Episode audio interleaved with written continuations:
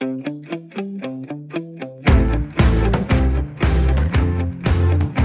lytter til Fremkaldt med mig, Claus Elgaard. Alex Pedersen er mange ting.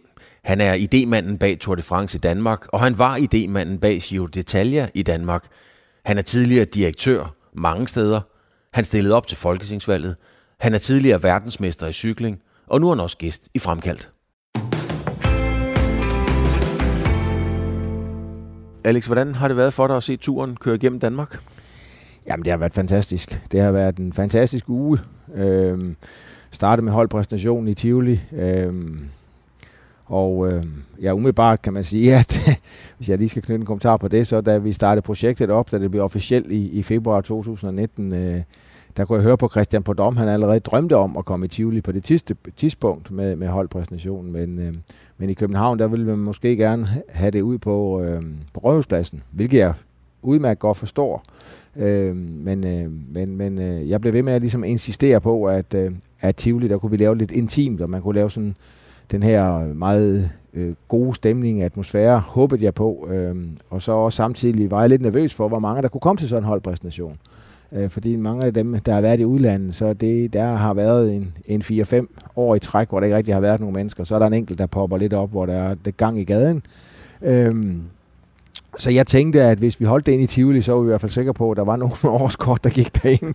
Så der var allerede nogle tilskuere, men ikke også, der kom nogle cykelentusiaster. øh, og så kunne vi få lavet en, en, fantastisk øh, god stemning derinde, og det, det må jeg jo bare sige, det lykkedes jo. Altså, de danskere, der, der var taget i Tivoli øh, øh, den onsdag og se holdpræsentationen, de, de lavede jo en fantastisk, det var nærmest sådan en helt magisk stemning derinde, rytterne var vildt overvældet, og det kunne jo ikke være en bedre måde at sparke, kan man sige, den her Grand Depart uge i gang på, med at, at have den her holdpræsentation i Tivoli.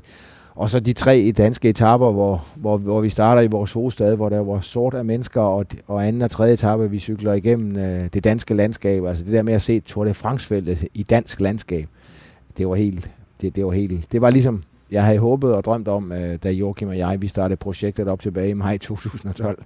Ja, altså nu, øh, nu kan man sige, nu, nu er det kørt igennem øh, Danmark, og det, det er jo kommet herfra på en... Øh, øh, det, det, det har været en succes. Det tror jeg godt, man bare kan konstatere, at det har været en succes.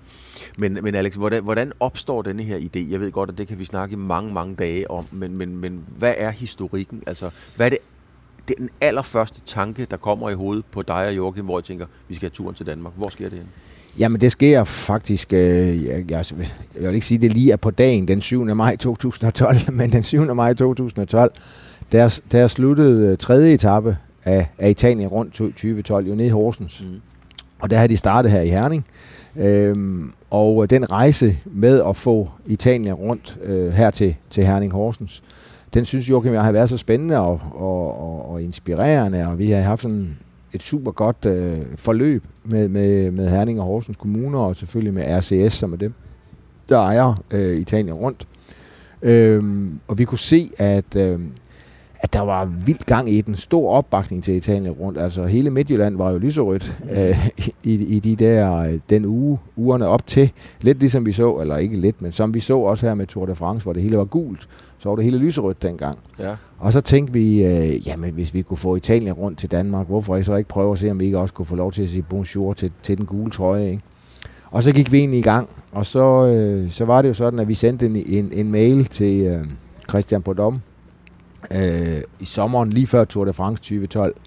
Og den mail, den har han aldrig svaret på, heller ikke den dag i dag. Så han har simpelthen ikke svaret på det? Nej, ikke.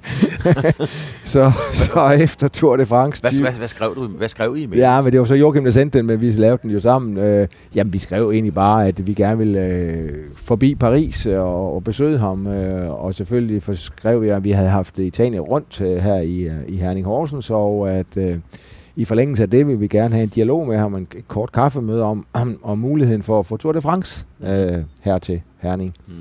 Og øh, det var sådan mere eller mindre det. Men øh, da vi ikke rigtig hørt fra ham, så, øh, så har vi en rigtig god bekendt, der her et budget for Luxembourg, der selv har haft øh, Tour de France start et par gange. Og et, han ser i mange forskellige øh, udvalg øh, under UCI, og nogle af dem ser han også sammen med Christian Podom, så han har et rigtig godt forhold til Christian Podom. Og så fik vi et lige til at åbne døren og gøre opmærksom på, at vi har sendt den her mail, og om Prodom ikke godt ville øh, bare tage et kaffemøde med os, så skulle vi nok komme til Paris. Mm. Og, øh, og så kom et tilbage og sagde, at I kan komme den og den dato. Og jeg kan, kan desværre ikke huske datoen, og det har Joachim og jeg jo efterfølgende ærget os lidt over, at vi ikke har skrevet alle de her datoer ned, for der er sket mange ting over de her 10 år. Øh, men vi kan selvfølgelig godt huske det, men vi kan bare ikke lige huske helt præcis, hvornår. Men så var vi nede i efteråret 2012 og havde det første møde med Christian Podom. Men hvordan reagerer I, da I sender en mail, og I er op og kører, adrenalinen pisker, det har været en succes med Sion, og så kommer der bare ingen svar? Ja, altså, vi, vi, vi, vi tænkte, at han nok var en travl mand, og det har vi så også efterfølgende fundet ud af, at han er en meget travl mand. Men, øh, men at vi var da selvfølgelig lidt ærgerlige, og, men vi tænkte, at han, er, han er travlt med at lave Tour de France, og det var sådan en måneds tid, øh, lille måned, øh, før turen skulle starte der i 2012. Ja. Så vi tænkte, at han er, han er nok travlt med alt muligt andet. Og, og sådan. Så, så vi valgte at have ja-hatten på, trods alt. men, øh, men, øh, men, men, men vi, vi måtte lige have hjælp af et budget fra Luxembourg, lige til at gøre opmærksom på, at... Øh, vi var faktisk nogle meget behagelige mennesker, der drikker en kop kaffe ja. med. Men, men han, han må jo på et eller andet niveau kende dig, eller vide, hvem du er. Altså, det, det kan han jo næsten ikke undgå, når han laver Tour de France, så må han jo vide, hvem Alex Petersen er. Så alene det, han ikke skriver, jeg har travlt, jeg ringer efter turen, eller et eller andet, ikke? Jo, øh, altså uden det skal lyde forkert nu, det, det kan du sige, altså, og, og selvfølgelig vidste han, hvem jeg var, og også mange andre i organisationen, og nogle af dem har jeg jo cyklet med, og nogen var, præcis, der, ja, præcis. nogen, nogen var der jo, da jeg var sportsdirektør på Team CSC. Øh, jeg skal ikke kan sige, hvorfor, øh, altså nu blev den sendt fra Joachims e-mailadresse. Jeg tror ikke, det ændrer noget, fordi vi skrev Alex Pedersen og Joachim Andersen under mailen. øh, men øh, ja, det kan jeg ikke svare på. Det, det er kun Prodom, der kan svare på, hvorfor, hvorfor han aldrig fik svaret på den mail. Men øh, det kan jo sådan set også være lige meget i dag. Nu har han jo været i Danmark med Tour har, har du talt med ham, eller har I talt med ham om det siden? Altså sådan bare for sjov? Ja, ja, vi har joket lidt med det. Hvad og siger så, han så? så griner han bare og siger, ah, kan det passe? Og sådan noget. Og nu er vi her jo, og så er han jo sådan meget... Han er meget, han er meget lun, og vi har et, et rigtig fornuftigt forhold til ham. Så, men vi har joket med, at øh, han aldrig svaret på den e-mail. Så kommer I til det der møde. Øh, går I ud fra det møde med en fornemmelse af, at det her, det er... Jeg, jeg kan godt regne ud, I tænker ikke, den er hjemme. Men, men går I, hvad, hvad for en fornemmelse går I ud fra mødet med? Altså, øh, hvis du spørger på Dom, så siger han, at han ikke synes, han var afvisende. Mm-hmm. Men øh, vi øh, drog hjem øh, med øh, lidt bedrøvede tanker, Okay. øh, og ikke sådan var havde hænderne over hovedet. Øh, fordi at han siger, at øh, der har været to andre forsøg på at få Tour de France til Danmark, og, øh, og udfordringen er jo øh, hele det her logistik i at komme fra Danmark og så tilbage til Frankrig. Mm. Øh, og afstanden, så vidt han vidste, var jo ikke blevet mindre, selvom Nej. der var gået nogle år. øh, og så siger vi jo med den erfaring, vi havde haft med Sion øh, her i, i Herning, at øh, man kunne holde en ekstra hviledag. Mm-hmm. Øh, og det siger han så, det vil jeg ikke. Mit løb starter altid en lørdag og slutter tre uger efter om søndagen. Øh, så siger vi, okay, men så øh, kan vi jo flyve lidt længere. Mm-hmm. Så siger han, det kan vi heller ikke. Vi, vi kan maks være i luften i 45 minutter, fordi ellers kan jeg ikke flytte alle udstyret på jorden. Altså alle lastbilerne, der skal flytte start- og måleområder og sådan noget. Ja, ja. Øhm, og derfor var vi sådan lidt nedtrykte, da vi, da vi tog hjem, fordi at, øh, vi havde måske håbet på lidt mere, fordi vi, vi kørte jo lidt på den her eufori efter, efter Sion, og synes jo, at øh, ikke at træerne vokset ind i himlen, men, men det har jo fungeret så super fint, og italienerne har været glade, øh, og rytterne og holdene, og de har haft en god oplevelse i Danmark, og de har også haft en god øh, tur tilbage til Italien, så det har ikke været noget problem at have den her ekstra vilddag. Men øh, det ville Podom på det tidspunkt ikke have. Øh, så derfor, da vi tog hjem derfra for første møde af, der var vi lidt sådan, men altså, vi var heller ikke opgivende. Det var jo ikke sådan, vi gik hjem og puttede øh, projektet ned i skuffen og tænkte, nu vil vi ikke være, nu vil vi ikke arbejde videre med det. Fordi vi, vi ser så ude i lufthavnen og tænker over, at det kan simpelthen ikke være rigtigt. Altså, det, det var så godt i, med Sion. Øhm, og så er det, vi så vi ringer jo til øh, Joachims lillebror Nikolaj, ja. som arbejder ved NATO. Øh, og inden for flyvåbnet, og så siger vi til Nikolaj, så vidt vi lige kan gennemskue, så må Sønderborg Lufthavn være den lufthavn, der er sydligst i Danmark, altså tættest på Frankrig, og Sønderborg by har den her vis størrelse til, at der kunne godt være et Tour de France-mål Mm. på, på en etape. Øh, som om han ikke kunne prøve at, øh, k- se, hvor langt kunne vi flyve 45 minutter i luften. Hvor langt kan man egentlig komme på 45 Ja. minutter? I kraftig medvind, som vi også sagde til ham. Det skulle være helt ideelle for at flyve for at holde den dag, vi skulle ud og flyve. Øhm, og øh, så vendte han tilbage efter nogle måneder. Altså nu skal man huske på, at vi arbejder jo ikke sådan fra dag til dag på det her projekt. Nej, så nej. vendte han tilbage efter nogle måneder, og så sagde han egentlig, at der var tre muligheder i hans verden. Blandt andet Lies og lufthavn og København lufthavn og sådan en militær lufthavn midt imellem de to. Øhm, og så var det, vi, vi tænkte, at vi, okay, så giver vi det et skud mere. Og så gik vi her op på gågaden i Herning til en lokal boghandler, købte to landkort over Tyskland og Frankrig, smed os hjemme på stuegulvet i en weekend, og så begyndte vi altså at tegne ruter. Fordi på dom, han havde sagt til os, øh, i det her forløb. Vi har haft et par ekstra møder på det her tidspunkt, øh, fordi på et tidspunkt, der siger han jo så også til, at jeg, han kunne vil starte i København. Mm. Vi, vi talte jo meget om Herning til at starte med det første halve år, de første par gange, vi mødte ham. Mm. Men det er jo der, han siger, at han vil kun starte i København, og så vil han være i bunden af alberne ugen efter.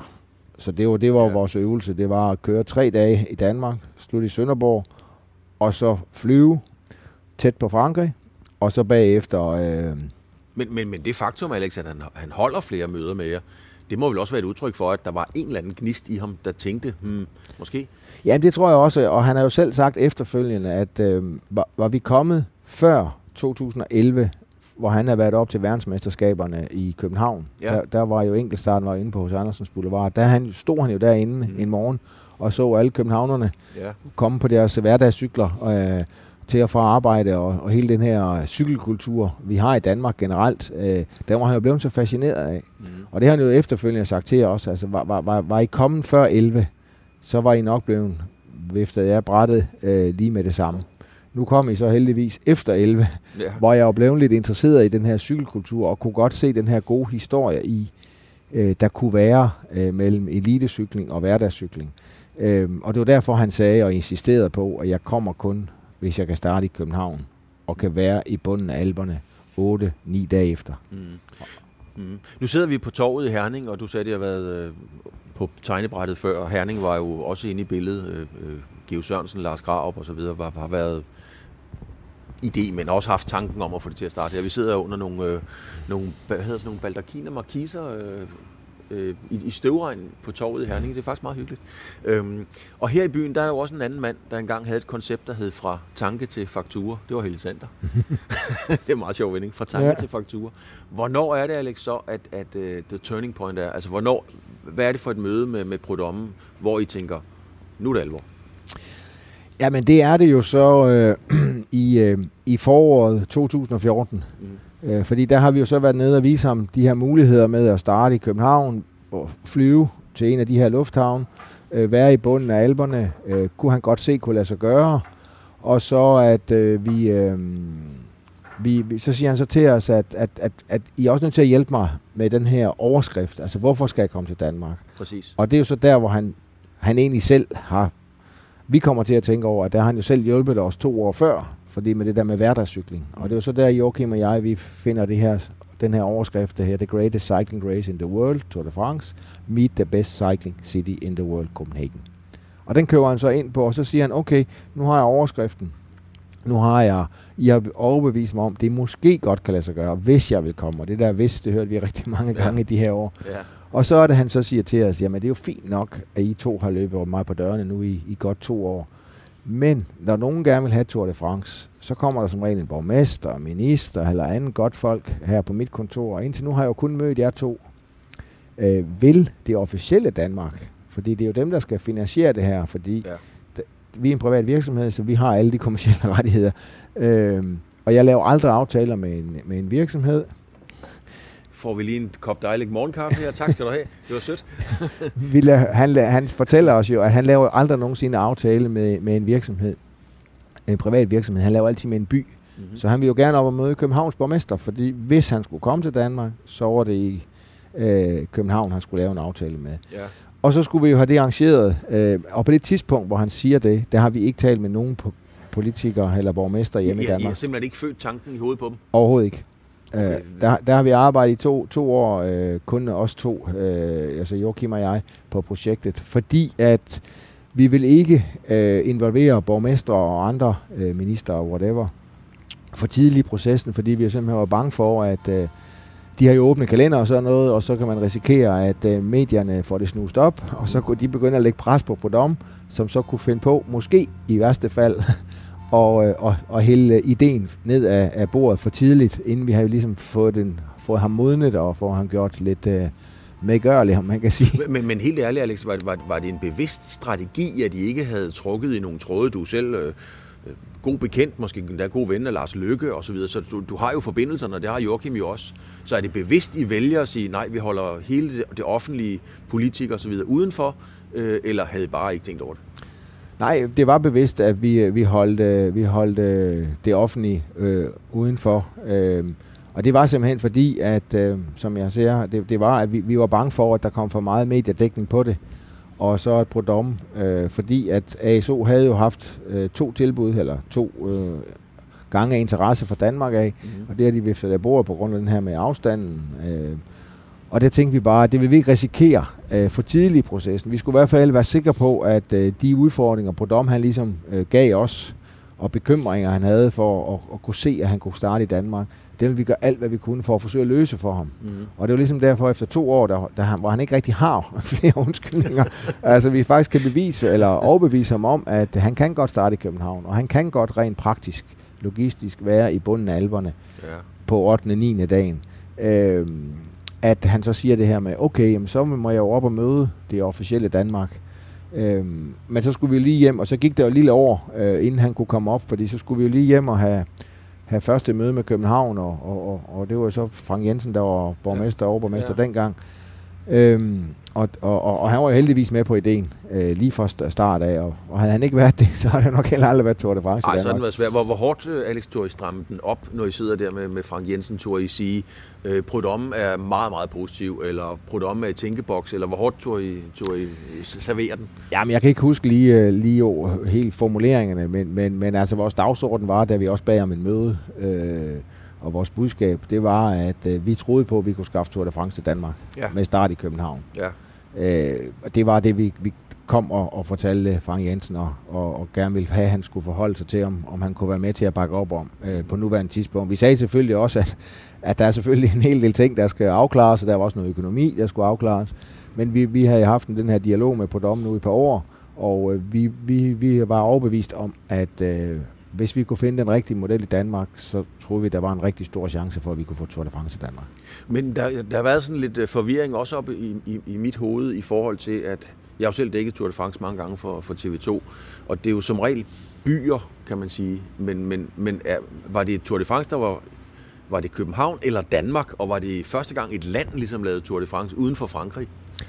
Ja, ja men det, det var jo altså hvis man, altså Prodom havde jo det krav, at han ville starte i København. Ja. Så, så det var jo for at komme til København, mm-hmm. og den her hverdagscykling og cykelkulturen, han gerne ville mixe mellem elite, professionel cykling, og, og, og, og det her med, at Danmark er så det cykelland. Øhm, det er nok også derfor, at øhm, de han allerede har været to gange i Holland inden for de sidste 15 år, og jeg ved, at der er en by, der, der byder igen på en 5-6-27. Mm. Øhm, så, så han kan godt lide det der med, at, at man kan lave sådan ligesom en, en kobling øh, og fra, fra hans cykelløb, kan du sige, eller deres cykelløb, og så over til, til, til det lokale område.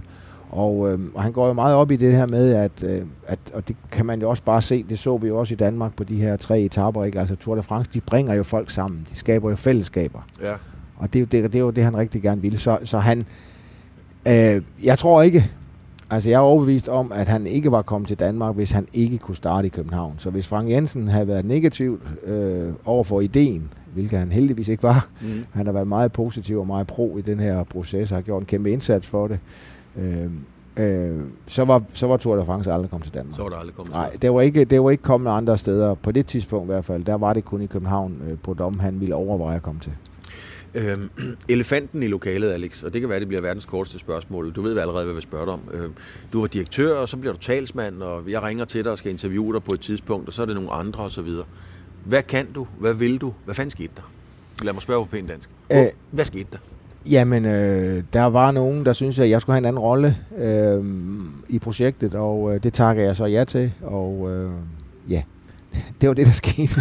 blev du fyret, eller? Ja, det blev jeg. En regulær fyring? Ja. Ja.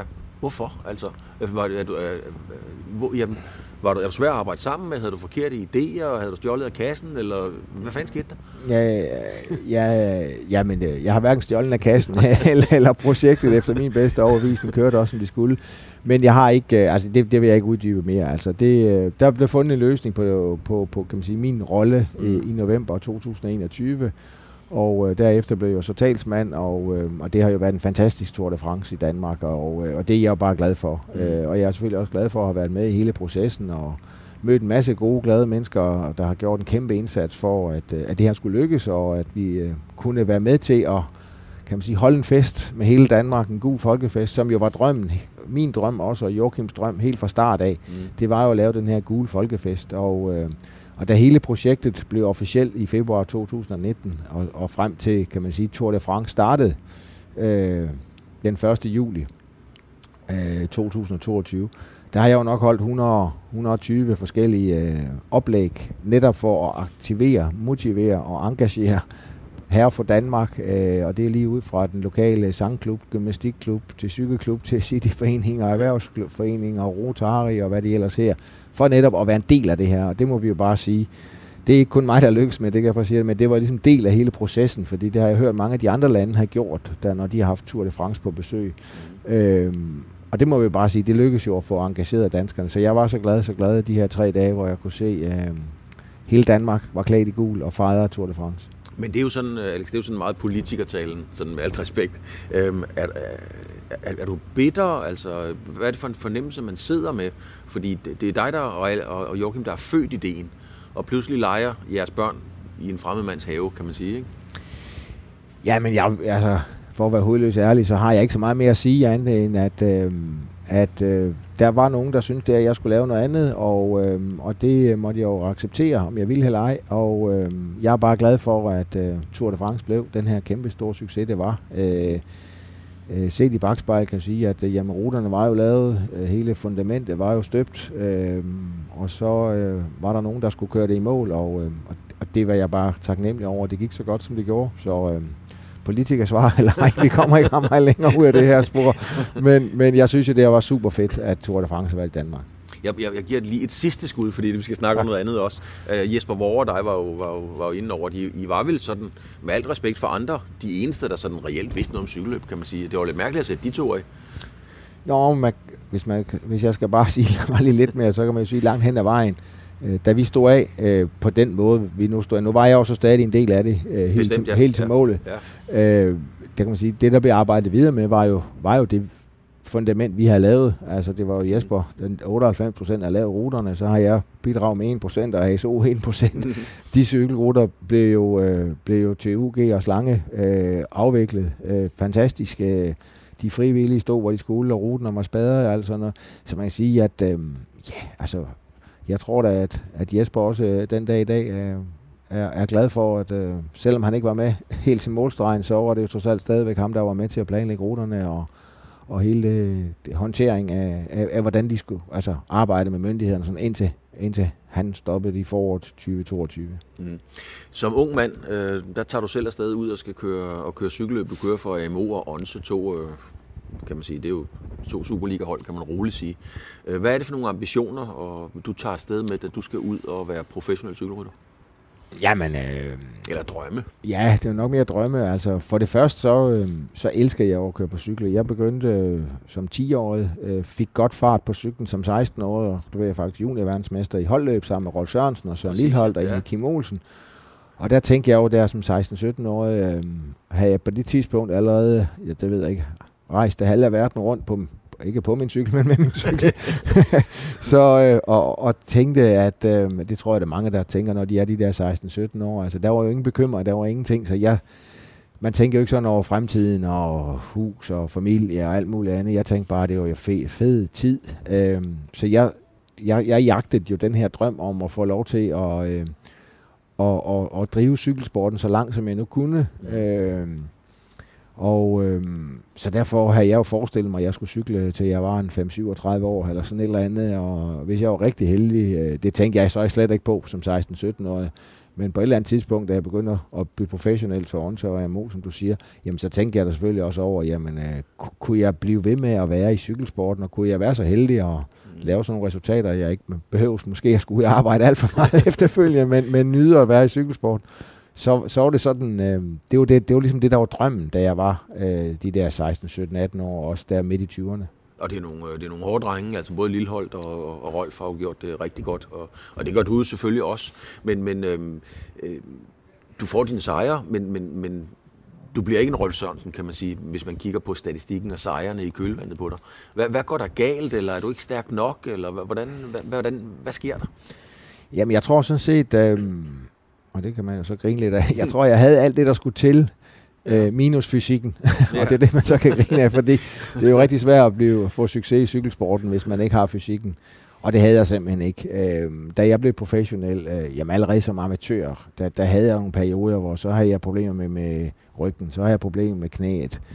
Mm. Øh, og da jeg blev professionel øh, efter halvanden år, der fik jeg uregelmæssigt hjerteslag. Øh, det ja. viste så, at jeg var kun født, eller er kun født med to øh, hjerteklapper, hvor 95 procent af alle mennesker på jorden, de har tre hjerteklapper. Og det kunne sådan være årsagen til, hvorfor jeg havde de her uregelmæssige hjerteslag. Og øh, og så, der, så til sidst så valgte jeg jo så, jeg havde jo faktisk to og et halvt år tilbage i min kontrakt med Odense, hvor så gik jeg ned til Manolo Seis og sagde, prøv her Manolo, vi skal hive den her kontrakt i stykker. Altså jeg, jeg synes ikke, det var sjovt længere. Jeg var jo taget ud i det store hvide verden for at køre på cykel, for jeg elsker at køre cykelløb. Ja. Men jeg måtte bare konstatere, at min fysik var ikke til det. Øh, jeg havde helt sikkert øh, det taktiske, jeg vidste, hvordan man skulle læse cykelløbene, og havde også engagementet og alt andet, men, øh, men når det rigtig pressede på, øh, så kunne jeg bare ikke holde på fysisk. Så kom der, så kom der nogle skavanker den ene eller anden slags, og derfor valgte jeg så om, desværre at måtte tage hjem. Hvordan, hvordan var den erkendelse? Jamen, det var ikke sjov. Øh, fordi som jeg sagde tidligere, jeg havde jo ligesom drømt om, at øh, jeg skulle køre på cykel mange år, øh, mere eller flere, flere år, end, end jeg kom til. Øh, eller køre på cykel, altså. Lever jeg og er cykelrytter.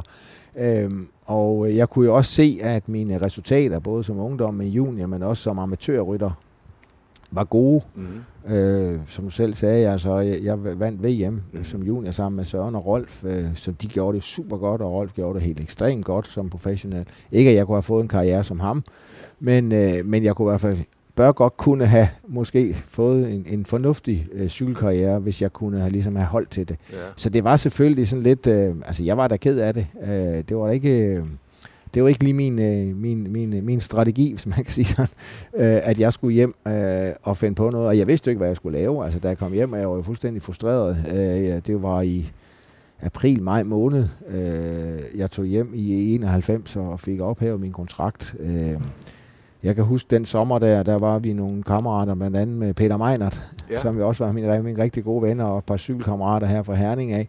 Vi lejede det sommerhus. Øh, Peter han kørte for TVM, mener jeg dengang. Uh, han skulle så ikke lige køre turen, så vi lejede det sommerhus i Lykken, og så tog vi op og drak en masse øl og holdt festen hele uge.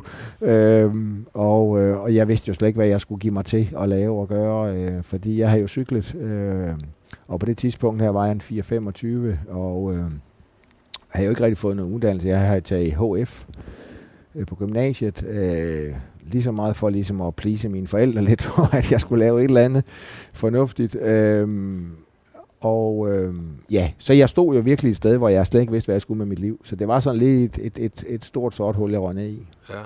Hvordan, øh, hvordan var det for dig at ryge ned i sådan et hul? Fordi du er jo en vinder-type, kan man sige. Og så er sorte huller jo ofte større end for så mange andre mennesker.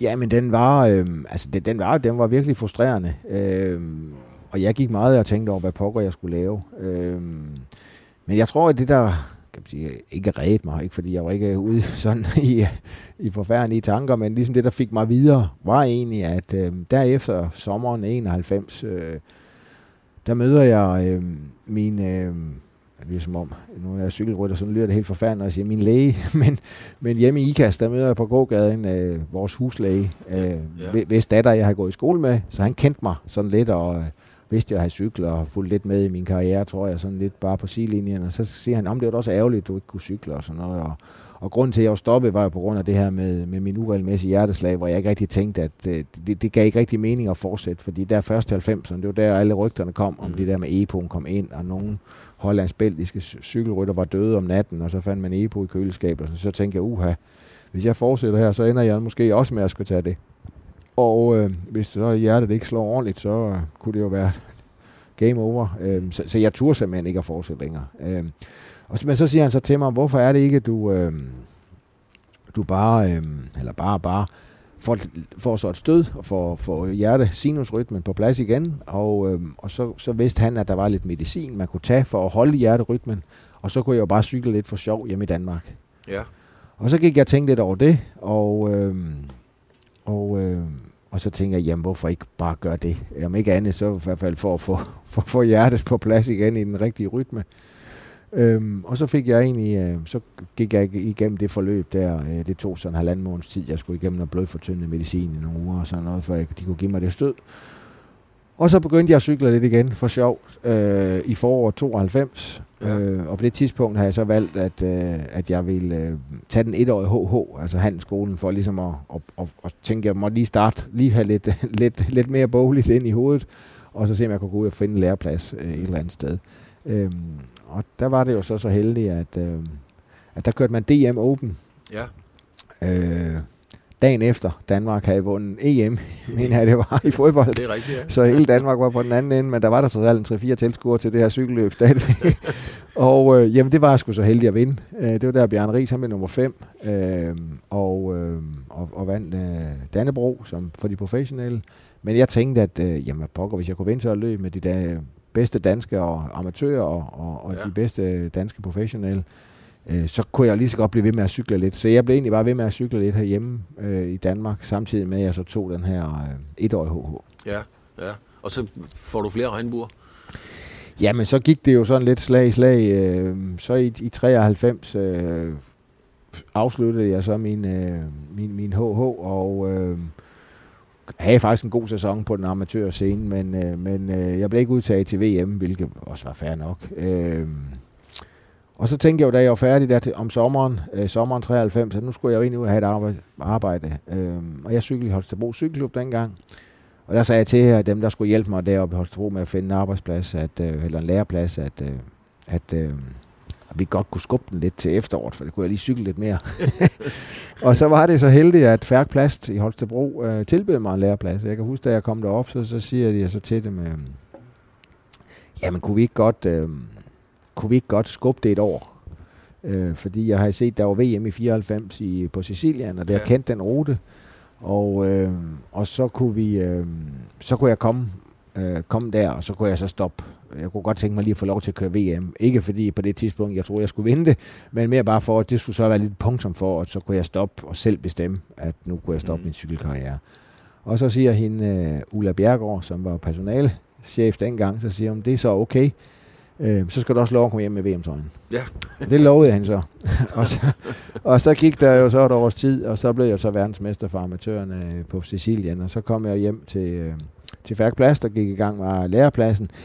Så valgte jeg jo så at fortsætte med at, øh, at cykle, fordi at nu har jeg jo så VM-trøjen. Og, ja, det må man sige. Og jeg fik lavet en aftale med Færk Plast, og øh, var super taknemmelig for det, sammen med Team Danmark, sådan at jeg kunne også få lidt tid til at, at rejse og træne. Øh, fordi 94, så var du ikke langt til 96, der var OL ja. i Atlanta, og øh, det er jo sådan, Team Danmark også arbejder for at holde øh, atleterne. Men du, men du overvejer ikke at, at lave en kontrakt igen? Altså, Nej, det gjorde jeg ikke. Jeg blev også, slet ikke? Slet ikke? Slet ikke. Jeg blev kontaktet af et par hold, og Manolo ringede også til mig. Manolo Seis for Onse. Ja spurgte, om vi skulle hive kontrakten op af skuffen igen. Øhm, og det, det sagde jeg jo nej til. Altså, fordi jeg havde... Øh, altså, jeg, jeg elsker at cykle. Jeg elskede at konkurrere på min cykel dengang. Øh, jeg kunne havde jo bare haft alle de her nederlag sådan rent fysisk, og jeg, jeg, jeg har ikke lyst til at prøve at skulle tilbage igen øh, til det her. Øhm, og der var jo også, og det er ikke fordi, jeg skal se at være heldig, men, men der var jo så også alle de her, altså her vi 94, der kørte alle de her rygter jo rundt øh, om EPO og sådan noget. Ja, det må sige, ja. og, og, og, og der var jeg jo som sagt blevet lidt bange for, fordi det der med mit, mit uregelmæssige hjerteslag, på det her tidspunkt fungerede det fint, men jeg tog jo altså hjertemedicin mm. for at holde øh, hjerterytmen nede. Jeg kan huske, når jeg ringede over 1. januar øh, i de her år, 93, 94, 95, ringer over til, til Dansk Idrætsforbund, til, til doping, øh, ja, vi kan, det her Antidoping Danmark i dag, jeg kan ikke huske, hvad det hed dengang, Øh, fordi der skulle jeg have skrevet ind i bogen, at jeg tog det her medicin. Der sagde de hver gang, at de forstod egentlig ikke, at jeg gad dyrke cykelløb, for jeg fik jo egentlig noget medicin, der skulle holde hjerterytmen ned, så de var egentlig imponeret over, at jeg kunne præstere. Fordi at, øh, at, at jeg bør måske have haft 10 hjerteslag mere, sådan grov sagt, uden jeg skal se at forhærlige mig selv.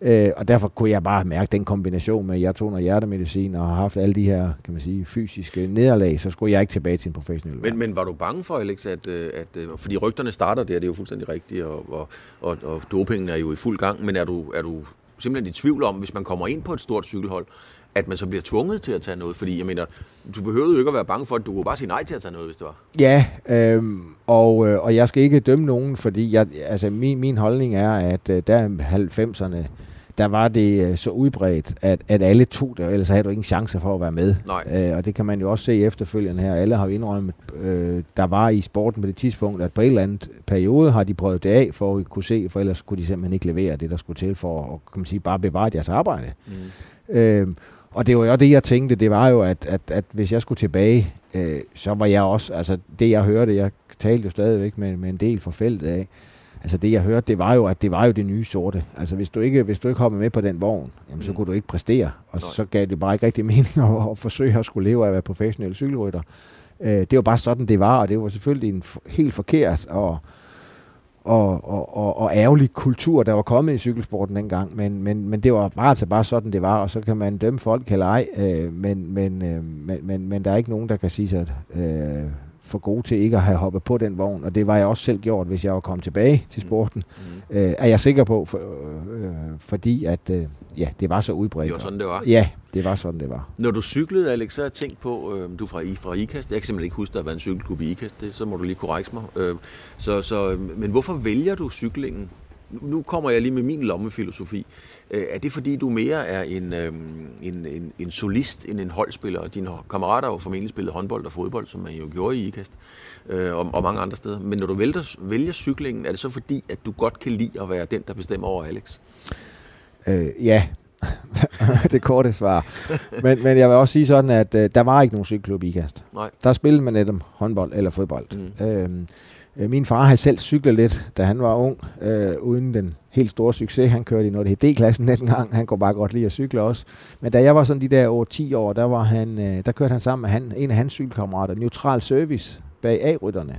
Og der var jeg så ude at se, at det var jo dengang Werner Blausohn, Henning Ja. Jørgensen, Werner, ja. Ejkel Sørensen her fra Herning af, og så var det jo Benny Pedersen og Per Sandal, og hvem han, de, de ellers slås med. Jørgen Store navne. Jørgen Emil Hansen. Ja, og alle de her. Og det synes jeg jo var vildt sjovt og fascinerende at sidde bagved øh, dem i cykelløb og se min far og hans kammerat springe ud og skifte hjul. Og, og så, det.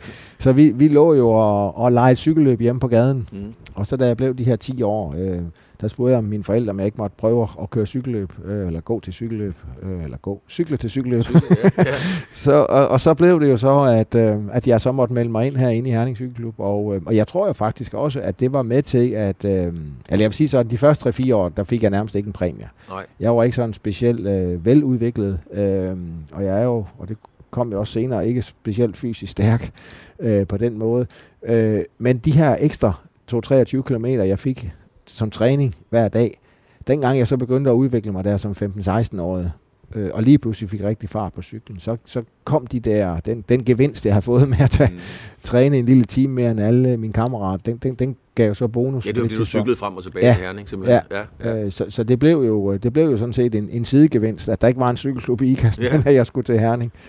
ja. Øh, men, men det var... Øh, og så tror jeg bare, at øh, jeg blev så fascinerende af det her med, at, øh, at du, du, du, du øh, om søndagen, der var afregning ved kasse 1. Mm. Har du ikke passet din træning i løbet af ugen, jamen så kørte de andre fra dig, ja. og så måtte du hjem og træne lidt ekstra. Øh, og når du så fik en præmie, eller stod øverst på skammen, jamen så var der altså kun en, der du kunne, øh, kunne klappe på skulderen. Det var dig selv. Og den, den glæde øh, og motivation kunne jeg rigtig godt lide. Øh, så det, det, det, derfor blev jeg hængende i cykelsporten, fordi jeg tænkte sådan, jamen du, du, er her, du, du er lidt her over din egen, kan man sige, succes i, i den her, din, din fritidsinteresse i hvert fald, fordi du kan, det er bare om at, at, at knive ballerne sammen og tage ud og træne også, når det regner, eller køre en ekstra omvej, øh, når de andre kører hjem, eller gøre et eller andet. Øh.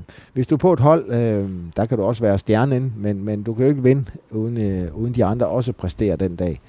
Nej. Øhm, og der er den glæde ved, at, øhm, at du, det er dig selv, der har træne, det er dig selv, der har præsteret, den, øh, den, den, den tændte mig bare, derfor blev jeg hængende i cykelsporten. Men, men er det meget din mentalitet, Alex? Nu, øh, jeg har prøvet at, at, fifle lidt med, hvad der sker i, i Tour de France. Det vil du ikke så meget ind på, det er fint.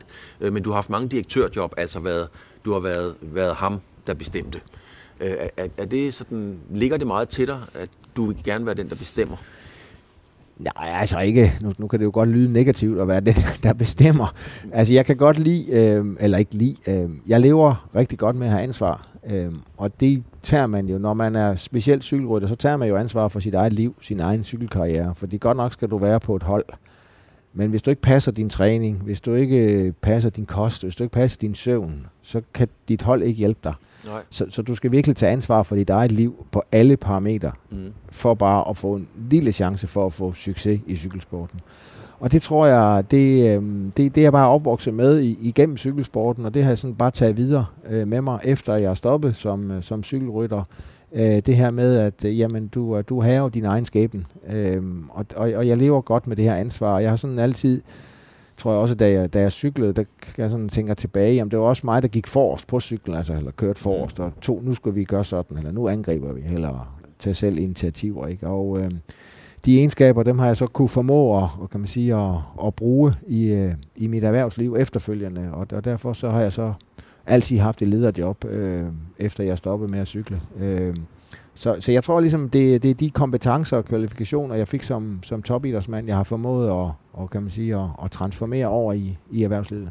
Men du har været mange steder, altså du, du har været direktør i, i, i håndboldklubben IKA Sporting, ikke? du har været vicedirektør, tror du var, i Jysk Fynske Medier. Øhm, du har været, øh, ja du har jo også øh, Jack, Team Jack and Jones, der var du vel også sportsdirektør og så videre. Så du har været mange steder rundt omkring, og du har lige fået et nyt direktørjob nu, tillykke med det. Øhm, men når du skifter så meget, Alex, er det så fordi du er svær at arbejde med? Er du, er du, en, er du en svær samarbejdspartner? Nej, nu synes jeg faktisk ikke, du er færre, øh, fordi jeg synes jo jeg synes ikke, jeg skifter så meget, når man tænker på, at jeg er 55 år. Altså, Jysk Fynske Medier var jeg i 10 år. Øh, Jack and Jones, CSC, var jeg i 7 år. Øh, det er rigtigt, håndbolden var jeg kun øh, i to og et halvt år. Ja. Men det var, øh, jeg kom jo fra, øh, fra cykelverdenen over i håndbolden, øh, og der tænkte jeg, da jeg der i to og et halvt år, øh, der tænkte jeg, at øh, der var jeg lige blevet 40, og der synes jeg faktisk, at jeg skulle prøve mine, mine kan man sige, øh, kræfter og evner af øh, i det normale, kan man sige, erhvervsliv, ind i sportsverdenen af. Og så, det var så der, hvor jeg endte i, øh, i medieverdenen. Øh, og, øh, og der var jeg jo altså i 12 år i, i medieverdenen, øh, inden jeg så hoppede fuldtids på Tour de France-projektet. Øh, så jeg synes egentlig ikke, at jeg, jeg har hoppet så meget. Øh, og, øh, og jeg vidste jo, da jeg sagde ja til at gå ind i Tour de France-projektet fuldtids, at, øh, at det var tidsbestemt. Altså, klart, Den, det- den, den udløb jo på et tidspunkt, ja. og, og, øh, og jeg er jo som sagt 55 nu, så jeg skal arbejde en 10-12 år mere. Mm. Så jeg vidste jo på det tidspunkt, at jeg skulle ud og ind i en ny branche. Og Ja. det er så det, jeg, der er kommet nu. Men, men når man har, øh, du har fortalt om, om dine fysiske udfordringer med hjerte og så videre, men du har jo kørt cykelløb, du har været verdensmester, øh, og, og cykelryttere er bare per definition på dit niveau store egoer. Kan, at det kan både være en styrke, men, men kan det også være en belastning, når man skal arbejde med andre mennesker, at man har det der ego? Ja, jeg tror, det er dig, der konkluderer det. Jeg tror, hvis du tager med de organisationer, jeg har arbejdet i, så har jeg haft rigtig glade medarbejdere, Mm. rigtig glade kollegaer og været meget vældigt. Så, øh, så lige på det punkt kan jeg ikke øh, genkende til, til, til din, øh, din øh, hvad siger, analyse af mig. Nej, den hugger du rimelig hurtigt af. Men, men, men Ja, men cykelrytter... det er også fordi, jeg er ikke rigtig, jeg, er- jeg er dybest set fuldstændig uenig med dig. Det tror jeg også, hvis du øh, lavede lidt- lidt research hos de organisationer, jeg arbejder Mm. at de vil sige, det, det er modsat af det, du siger. Så derfor har jeg lidt svært ved at fortsætte ud af den her. Alex, en del af programmet, det hedder Fremkaldt, det er, at jeg tager et billede af min gæst. Øhm, og der er ikke andre end os to øh, egentlig, der ser det. Og det er simpelthen, øh, du sidder der. Og det er ikke så meget, hvordan du ser, øh, hvordan du ser ud, jeg vil spørge dig om. Jeg vil faktisk mere spørge dig om, øh, hvad er det for en mand, vi har siddende der? Hvor er du i livet nu, som vi sidder her, i forhold til, hvor du måske havde troet, du var for 10 år siden, eller 15 år siden? Øh, ja, men nu er det ikke sådan. Øh, For det første, så er det ikke sådan, jeg går og, og laver øh, vanvittigt lange planer øh, for mit liv. Forstå sådan, at øh, jeg synes, man skal leve nu, nuet Mm. øh, og leve livet, øh, mens, man, mens det, det står på. Øh, man ved ikke, hvad der sker i morgen. Man kan få en tagsten i hovedet, man kan blive syg eller et eller andet. Så jeg laver, laver ikke de her langtidsplaner øh, generelt. Øh, jeg forsøger øh, at have det sjovt. Mm. Jeg forsøger at gøre en forskel. Øh, hvis man kigger på mit, mit CV, som du var inde på før, så har jeg faktisk altid arbejdet et sted, hvor øh, det dybest set ikke drejede sig om overordnet set at øh, tjene en masse penge, men det drejer sig sådan set om at levere en, en vare, en produkt. Øh, det kan du så sige cykelsporten. Jamen der havde vi jo nogle sponsorer, vi skulle give så meget eksponering som muligt Ja. øh, inden for medieverdenen, øh, primære aviser, som jeg var i i, i 12 år. øh, der drejede det sig primært om at tjene så mange penge, man har råd til at ja. og, og, og udgive nogle aviser og være den her lokale demokratiske vagthund, der var rundt omkring. Mm. Tour de France-projektet var jo heller ikke noget om at tjene penge, det var sådan set om at, at skabe, dels at afvikle verdens største cykelløb i Danmark, men også at skabe en gul folkefest på tværs af Danmark. Og det nye, jeg så har sagt ja til ved Sammen Forsyning i Horsens, hvor jeg skal være med til at, at, at drive forsyningsselskabet, øh, er jo også det her med en meget samfundsnyttig med, at man skal sikre, at både der er vand og spildevand, og vi går jo i møde med, øh, altså går imod, at vi får værmæssigt øh, større og større udfordringer med alle det her øh, oversvømmelser og, og, og, og bæredygtighed generelt. Vi skal, vi skal tage en rolle for, som forsyningsselskab inden for det område. Så, så jeg tænker meget, at jeg vil gerne have et job og gøre en forskel, øh, og det er ikke for, at jeg skal selv forhærlige mig selv, men jeg håber, at den dag, jeg ikke er her mere, øh, om mange, mange, mange, mange år, yeah.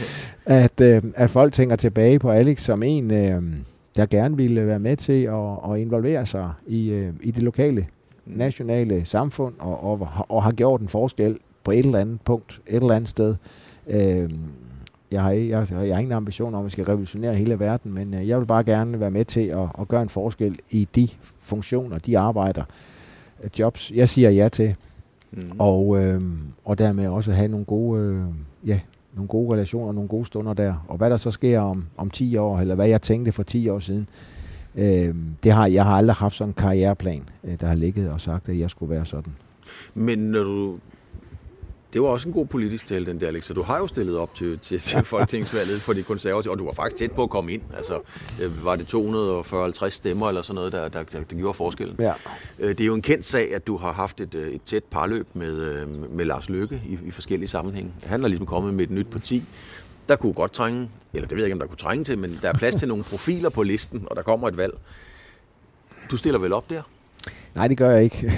Jeg har et rigtig godt forhold til Lars Lykke, og det har jeg selvfølgelig fået primært igennem... Øh, altså, jeg møder ham første gang i forbindelse med Italien rundt mm. øh, i maj måned 2012, og siden har vi haft et rigtig godt parløb med ham, eller et trio, Joachim og jeg, i forbindelse med hele der Tour de France, og han har gjort en fantastisk stor indsats for også at få Tour de France til Danmark. Øh, og kan rigtig godt lide at være hans selskab, og synes, han er en super dygtig politiker. Øh, men jeg skal ikke den vej. Ja, nu har jeg også sagt ja til et, et direktørjob i Horsens til ved sammen forsyning, og det glæder jeg mig vanvittigt meget til at komme i gang med her til august. Så jeg bliver ikke, skal ikke være politiker igen. Det har jeg prøvet, og det, og det var super spændende, men, men, øh, men jeg skal ikke den vej. Hvor, hvorfor egentlig ikke, Alex? Altså, jeg mener, du var meget tæt på at komme ind, uden egentlig at have nogen politiske øh, ballast med dig, kan man sige. Der var du voldsomt tæt på at komme ind. Så, så hvorfor er du egentlig ikke gået den vej med, med, med de øh, skal vi sige, visioner, du har omkring samfund og involvering og gøre forskel? Så den ligger jo lige til højre benet. Ja, jeg, jeg kan godt se, øh, jeg kan godt se, øh, se, hvad du siger, eller forstå, hvad du siger. Men øh, jeg kan sige sådan, at, øh, at da jeg ikke kom ind øh, tilbage på, i valget 2007, var det november 2007, der blev jo lige øh, en måned efter, øh, fik jeg jobbet i Vejland, på Vejlands Folkeblad som direktør mm. dernede, og, øh, og havde jo så 10 år, i, øh, som vi, hvor vi er inde som, øh, som viceadministrerende hos øh, Jysk Fynske Medier. Og øh, jeg vil sige, at der var jo, altså, som jeg var inde på før, altså det, det at være i dagbladsbranchen, øh, udover den desværre var, var rigtig, og er rigtig hård, øh, fordi annoncemarkedet ikke er, hvad den har været, og folk ikke øh, vil betale for nyheder på samme måde, som man gjorde for 25 år siden, øh, så, øh, så synes jeg jo faktisk, at de 10 år, hvor jeg var i, i medieverdenen, var jo dermed til at gøre en forskel ved at sikre, at der var lokale medier. Og det var jo helt nede både på uavisplan og dagblade og radioer. Øh, og jeg mener jo virkelig, at en, en by i Danmark, øh, ja hele verden, er jo en fattigere by, hvis der ikke er et lokalt medie. Mm. Og det kæmpede jeg jo for at arbejde jeg for i, i 10 år. Så, øh, så man kan sige, at jeg øh, i stedet for at blive politiker, så fik jeg så stimuleret den, den øh, lyst, øh, trang, øh, øh, mål, øh, ambition om at være med til at gøre en forskel øh, i de 10 år, hvor jeg sad i medieverdenen. Men, men kunne det ikke, altså hele, hvad skal man sige, spillet omkring det, gå i udbrud, øh, tage sine chancer og så videre, altså hele det politiske spil omkring det, øh, var det ikke noget, der kunne fascinere dig, altså piger dig, og så, sige, og så ovenikøbet med Lars Lykke, som når I nu kender hinanden, det er derfor, jeg siger ovenikøbet? Jo, men det, altså prøv her, der vil, jeg vil, øh, hvis jeg nogensinde skulle gøre det, så, så kunne det nemt være Lars Lykke, der kunne være en, en godt samarbejde. Nu var jeg jo så, og er jo konservativ, øh, så, så jeg skal jo lige vælge at, at springe, hvis jeg skal, men, men nu, nu er det altså absolut ikke noget tema for mig, øh, og har heller ikke været, heller ikke i den her proces, øh, inden jeg har fået jobbet i Horsens. Øh, der gik jeg jo øh, og skulle til at finde ud af selvfølgelig, hvad jeg skulle, øh, hvad jeg skulle lave her efter Tour de France. Jeg vidste jo, det stoppede her i, mm. i juli 2022, øh, og jeg skal som sagt arbejde til 12 år endnu. Så jeg, så, men det har aldrig været et tema, at jeg skulle ind i politik øh, i mit hoved. Øh, og det, øh, så, så den er lukket. Jeg prøvede det dengang, og det var vildt spændende, vildt fascinerende, og jeg har dyb respekt for de politikere, der, der tager tørnen og jeg fik endnu mere respekt for dem i den valgkamp, der var i, i 2007, øh, fordi de er knalddygtige, og de kan virkelig deres stof, øh, og er brænder vanvittigt for øh, at gøre en forskel i Danmark og komme ind i Folketinget og, og dermed med til at præge vores samfund. Så jeg har den dybeste respekt for politikere øh, på alle niveauer, øh, men jeg fik det virkelig der på det tidspunkt for, for alle øh, folketingskandidaterne og, og, og dem, dem, der blev medlem. Men jeg skal ikke den vej. Øhm, her til sidst, øh, Alex, du, du, du har fortalt om, at du var lidt, eller noget nervøs med, med dit hjerte, og EPO'en kom der i starten af 90'erne og så videre. Øhm, så vidt jeg husker, så noget af det, du går til valg på, det er hårde straffe for doping blandt andet. Øhm, hvordan ser du, øh, hvordan ser du øh, dopingproblematikken i, i Tour de France i dag, altså cykelsporten? Ja, det, du tror ikke, jeg gik på valg på det. Nej, det, det, var en, jeg, det var en del af det. Ja, jeg tror, det var lige så meget omverdenen, der synes, at det skulle jeg sige og gøre. Øh, jeg har altid taget afstand for doping øh, og sagt, at det skal vi ikke have. Og øh, da jeg var sportsdirektør på cykelholdet, der gjorde vi øh, alt for at fortælle de unge mennesker, at de ikke skulle gøre det. Mm. Øh, vi havde ansat læger, og vi gjorde alt det, vi kunne inden for lovens og reglernes øh, kunden. Men, men det skal man jo altså gøre, hvis man er en ansvarlig øh, chef, så skal man jo gøre det bedste, man kan for sin, øh, sin organisation. Det gjorde vi. Vi opfordrer absolut ingen til at tage doping. Nej. Og jeg tager stor afstand for det, mm. og har altid gjort det. Jeg er så naiv at tro, at cykelsporten aldrig nogensinde har været renere, end den er i øjeblikket. Og det konkluderer jeg ud fra den måde, de cykler på. Altså cykelløben er på. Fordi hvis man det skal du lige forklare. Ja, det vil jeg gerne gøre. det, hvis man kigger 15 år tilbage, så var der mange af de her øh, klassementrytter, de, ja. de kunne godt finde på at angribe langt udefra. Altså, når jeg siger langt udefra, tidligt på etaperne, og køre hen over en 4-5 bjerge, og forsøge at få noget tid. Selvom de så blev hentet. Mm. Så næste morgen, så var de friske og kunne køre igen. Michael Rasmussen, Floyd Landis. Jeg vil ikke nævne nogen navne, nej, nej, det men, men det, var, det var sådan, cykelsporten var dengang. Ja. Altså, der kunne man se, der var de her lange udbrud med klassementrytterne, og de var friske dagen efter. De kunne køre langt udefra. Det gør de ikke i dag hvis man kigger tilbage, så er der nogen, der siger, at cykling er blevet kedelig at se på. Og der er også nogen, der siger, at man kan ikke huske, hvem der bliver 6, 7, 8, 9, 10 i Tour de France, fordi det er bare dem, der hænger på og bliver sat af nede ved 3-4 km mm. før mål øh, op ad bjerget til sidst. Men det er sådan, det er, og det, derfor konkluderer jeg, at cykelsporten aldrig har været renere, end den er. Jeg er dog ikke så naiv, at jeg vil sige, at cykelsporten er 100% ren, for det tror jeg ikke, den er. Fordi at cykelsport er også øh, hård forretning. Mm. Der er desværre altid nogen, der vil forsøge at springe over, hvor gader er lavest. Det er der også i det normale liv, det normale erhvervsliv. Der er nogen, der forsøger at snyde skat. Der er nogen, der forsøger at omgås øh, forskellige regler med at lave selskaber i, på forskellige øh, andre steder, hvor de kan spare igen noget med skatten eller omgås øh, nogle regler. Ikke? Og det er der desværre også i cykelsporten. Så, så, så jeg tror aldrig, cykelsport og for den sags skyld topsport generelt bliver 100% rent. Øh, der vil altid være nogen, øh, der som sagt forsøger at springe over, hvor gader er lavest. Øh, men, men jeg tror, at cykelsporten har aldrig været renere den her i øjeblikket. Men hvis den teori holder, Alex, så skal man sige, så skulle det jo måske være meget polariseret forstået på den måde, at i 90'erne kørte man vel på lige vilkår, fordi som du selv siger, de fleste var dopet så, så man havde den samme motor, mere eller mindre. Hvis der er nogle få, der tager det her, så, så, så skal der vel være en lille gruppe, som bare er så meget bedre end resten.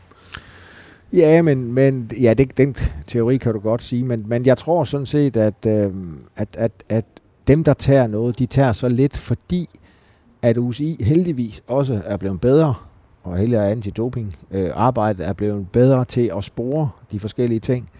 Og så, øh, så vidt jeg nu, jeg er ikke 100% opdateret på, hvordan de arbejder, men, men som jeg hører på vandrørene, så, så er det jo også oftest, at man gemmer urinprøverne ned, altså fryser ned, mm. og så kan tage dem op af fryseren igen om to-tre år, når man har fundet nogle nye øh, testmetoder. Og det har jo virkelig en præventiv øh, hvad her det, indflydelse på, hvordan rytterne tænker. Øh, og så må jeg også bare sige med stor respekt for, at øh, jeg tror ikke, der er en sponsor i dag øh, i cykelsporten, der ikke har indføjet i sin sponsorkontrakt med et cykelhold, at hvis der er noget som helst øh, doping på et cykelhold, så kan de stoppe øh, aftalen lige med det samme. Og det er jo også sådan i alle rytterkontrakter i dag, der kan de også blive fyret, hvis de tager doping lige med det samme. Så konsekvenserne er meget, meget større i dag for alle de involverede i cykelsporten, end den er, eller den var øh, tilbage i øh, bare i nullerne, og, og specielt i 90'erne. Og sidst men ikke mindst, så blev der jo også indført, øh, ja, for en 6, 7, 8 år siden, jeg kan ikke huske det så meget, følger ikke med i cykelsporten, men holdlægerne på cykelholdene i dag må jo ikke give indsprøjtninger, de må ikke give vitaminindsprøjtninger, de må ikke øh, give væske og salt og sådan noget efter de hårde etapper i, øh, altså ind, ind i, igennem blodårene. Altså i dag må du jo kun gøre det, alle vi andre danskere også gør. Øh, tage nogle vitaminpiller og noget andet medicamenter, hvis du er syg, ind igennem, øh, ind igennem munden og ned igennem mavesystemet. Ikke? Så, så der er jo kommet masser af andre øh, og virkelig gode øh, tiltag til at bekæmpe det her doping. Øh. Og derfor tror jeg også, at det, de her, det er jo de unge rytter, vi rigtig ser, der, der, der, der, der brillerer i cykelsporten i dag. Og det er jo også, øh, jo yngre man er, jo hurtigere restituerer du jo. Øhm, og derfor tror jeg også, at det bliver sværere og sværere for en Jakob Fuglsang at køre top 10 i Tour de France.